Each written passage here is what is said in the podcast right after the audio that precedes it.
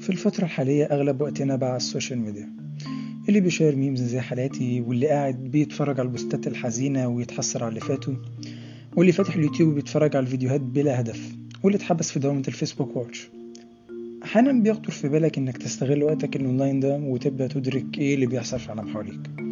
فتفتح موقع إخباري وليكن مثلا Google News وتشوف أول topic قدامك.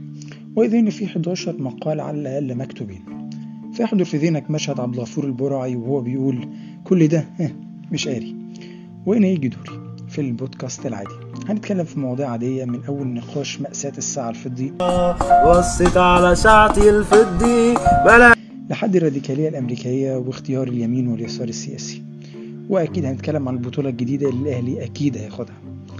أنا محمد وليد وهكون معاكم كل أسبوع لو مفيش امتحانات يعني في البودكاست العادي.